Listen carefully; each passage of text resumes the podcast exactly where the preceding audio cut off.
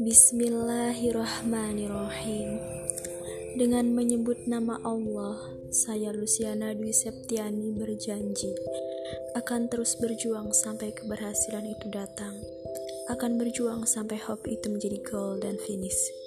Tak akan ada lagi kata menyerah dalam hidup mengurangi rasa malas, menghentikan nafsu syahwat pada pria yang dapat menyebabkan ketidakfokusan dalam pencapaian prestasi, menjadikan diri pantas dalam mengemban amanah dari bapak, ibu, serta masyarakat sekitar, mampu berbuat baik dan tolong menolong, serta rajin beribadah dan selalu bersyukur pada Allah Subhanahu wa Ta'ala, Tuhan pemberi nikmat yang tiada henti sebelum umurku terambil nanti.